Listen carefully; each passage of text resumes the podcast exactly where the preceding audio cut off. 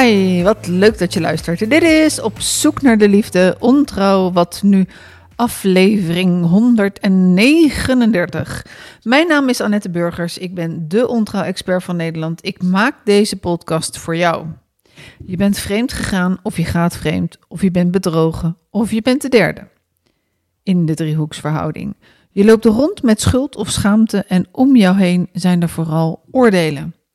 Elke aflevering een ander aspect van deze driehoeksverhouding. Voordat ik begin wil ik je alvast wijzen op mijn gratis aan te vragen e-book om jezelf weer op de rit te zetten en schuld en schaamte op te ruimen en jezelf ook beter te begrijpen. Wil je een afspraak maken, dan kan dat altijd. Ik werk live in Den Haag in mijn praktijk of ik werk online uh, in het hele land. Dat is makkelijk van deze tijd. Vandaag gaan we het hebben over een bijzonder onderwerp. En dat is namelijk naar aanleiding van een post van een collega. En um, hij postte deze week: Het is gek dat de gedupeerde partner meer moeite doet om degene die ontrouw geweest is te vergeven, dan de moeite die degene die ontrouw geweest is doet om zijn of haar oprechte excuses te maken. Ik herhaal hem, want het is een uh, best lange zin. Het is gek dat de gedupeerde partner meer moeite doet om degene die ontrouw geweest is te vergeven, dan de moeite die degene die ontrouw geweest is doet om zijn of haar oprechte excuses te maken. Nou, deze quote is van Ahmed Galeh. In het verleden, heel lang geleden, uh, heb ik eens een keer een uh, podcast met hem opgenomen, een videocast. Super leuk was dat. En uh, hij is nogal duidelijk in zijn mening over, um, over vreemd gaan. En dat mag. en dit is een quote waar ik toch wel eventjes van dacht van... hé, hey, hier zit wat in. en het, het, het, heeft, het verdient wat meer aandacht dan alleen die quote herposten. Ik vind het een uh, super interessante quote en ik wil daar uh, vandaag uh, met jou een beetje op ingaan. Heb je overigens een vraag? Stel hem via info.youtubecoaching.nl. Heb je feedback? ook dat vind ik hartstikke leuk. Schroom nooit. Klim in je pen kan ik niet meer zeggen, maar klim in je, in je laptop.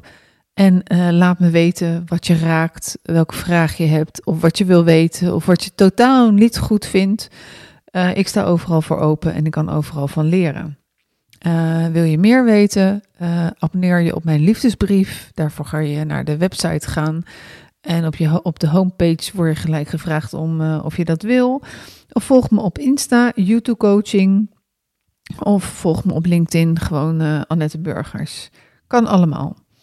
Goed, ik vond deze quote dus een quote om wat meer aandacht aan te besteden. En waar gaat het eigenlijk om? Het gaat om dat er altijd, al heb je een goede relatie, uh, of heb je een iets minder goede relatie, maar in elke goede relatie is er in ieder geval balans. Er is balans op de emotionele rekening. En wat betekent dat? En net zoals dat je, uh, sorry, dat je een financiële rekening hebt waar je op start, stort, uh, waarvoor je voor jezelf zorgt in je eigen leven, dat je eigen rekening uh, zo min mogelijk in het rood staat. Dat je zoveel mogelijk in, de, in, het, positieve staat. Uh, en je, je stort je salaris. En het werkt gewoon niet als je elke maand het dubbele van je eigen salaris eraf haalt. Nou, het is een goede vergelijking voor de emotionele rekening in je relatie. En als je nou uiteindelijk vraagt van. Um, eh, welke plek staat vertrouwen in, in, in een goede, gezonde, veilige relatie? Dan staat die, nou ja, ik, ik zou mijn hand ervoor in het vuur durven steken. Dan staat hij bij iedereen gewoon uh, ofwel op de eerste plaats of op de tweede en, en uh, minimaal of maximaal op die derde plaats. Dus vertrouwen wordt door iedereen, eerlijkheid, oprechtheid, maar uh, samen in het begrip vertrouwen wordt dat door iedereen ontzettend belangrijk gevonden. Nou, op het moment dat je vreemd gaat en je partner komt erachter, is trouwens ook nog een ding, hè? Uh, komt je partner er zelf achter? Of uh, biecht jij het op? Of komt je partner erachter en weet ehm, de hele wijk het? Of het hele schoolplein het? Maakt nog allemaal uit uh, wat de opname is geweest op die emotionele rekening. Wat het betekent voor de persoon die bedrogen is. Um, maar uh, daar moet dus, er, er is een ongelooflijk grote opname gedaan. Dus dan moet je beseffen dat je iets te storten hebt. En vaak is het zo, wat ik ook zie in mijn praktijk, dat de overspelige partner sneller door wil met het gewone leven. Oké, hij of zij heeft het opgebiecht, uh, of uh, de partner is erachter gekomen heeft en uh, de overspelige heeft spijt betuigd en, en wil dan ja, het liefst gewoon zo snel mogelijk weer zonder gedoe door. Maar dat is niet mogelijk. En het hangt zelfs af van hoe, die, hoe de overspelige daarna te werk gaat in het hele, het hele proces van heling. Wordt, duurt dat lang, duurt dat wat korter? Hangt voor een groot deel af van welke verantwoordelijkheid de overspelige neemt en welke storting hij of zij doet op de emotionele rekening.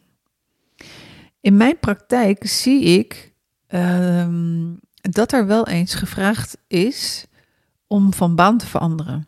In dat geval was er een dame en die had uh, een man leren kennen via de werk. Het was niet eens een klant van het bedrijf, maar het was wel, of het was een klant, maar het was niet haar klant.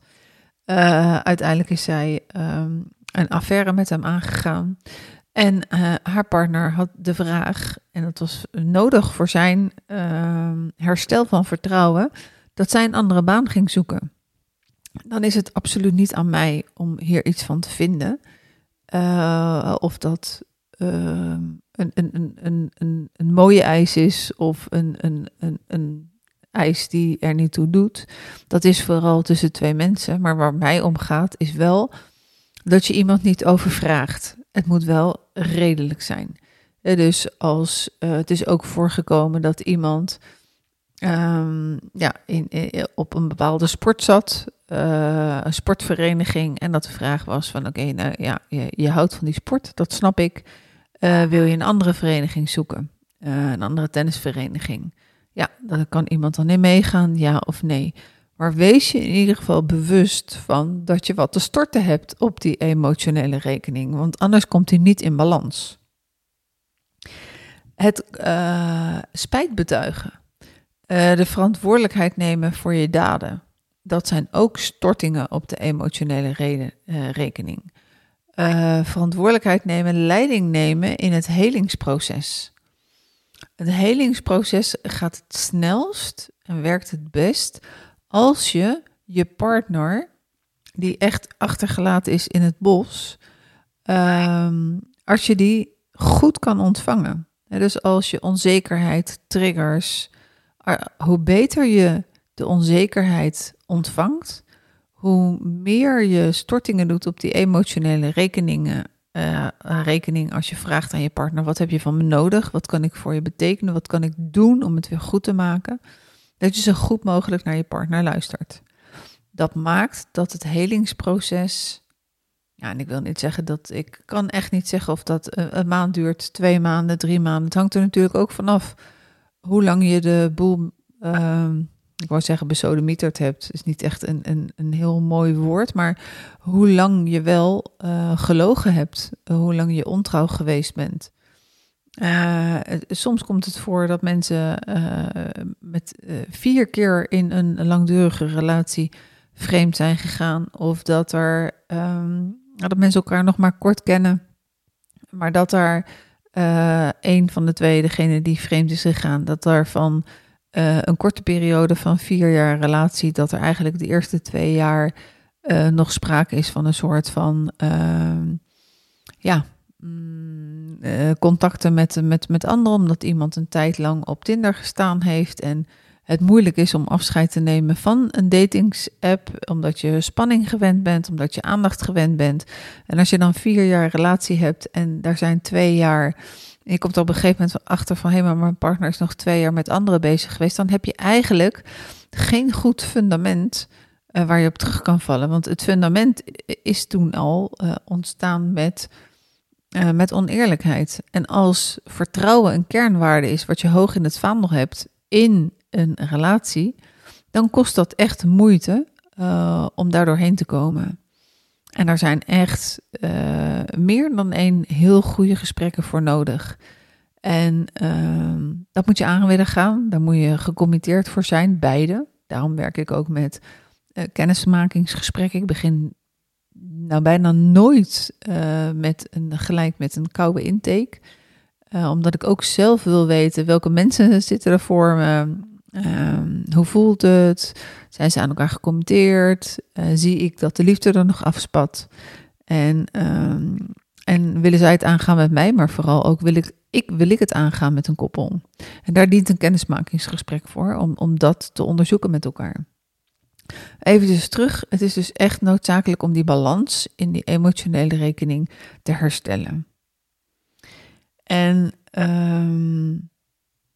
samengevat, dit wordt lekker een uh, korte podcast. Besef dat die uh, emotionele rekening er is. Dat de emotionele rekening voor een goede, veilige relatie nodig is om in balans te staan. Besef ook dat als er, uh, het is niet alleen in goede tijden, slechte tijden. Hè, dus dat het echt kan zijn dat door ziekte, door het overlijden van iemand in de omgeving, dat het echt kan zijn dat de een iets meer zorgt voor de ander. Maar daarna moet weer die balans uh, komen. Wat nog heel erg belangrijk is in deze om te zeggen, is dat als je zomaar accepteert van oké, uh, je partner is vreemd gegaan uh, nou goed, het is, het is vergeven, we denken er niet meer aan, we gaan gewoon door. Dan is dat ook niet goed voor de balans. Want dan staat de ander te diep in de schuld zonder het goed te hoeven maken. Dus die schuld die loopt op. En dat voelt ook niet fijn. In deze wil ik je ook nog even aanraden om een van mijn vorige afleveringen uh, met Els van Stijn over, uh, over vreemd gaan. En dan moet ik even opzoeken welk nummer dat ook alweer is. Dat is nummer 41, dus aflevering 41 met Els van Stijn. Daar gaat het ook over die balans. heb je hem nog niet beluisterd, beluister die ook even, even want daar kan je profijt van hebben. Verder wil ik ook nog aanraden om het boek eens te bekijken van Dirk de Wachter.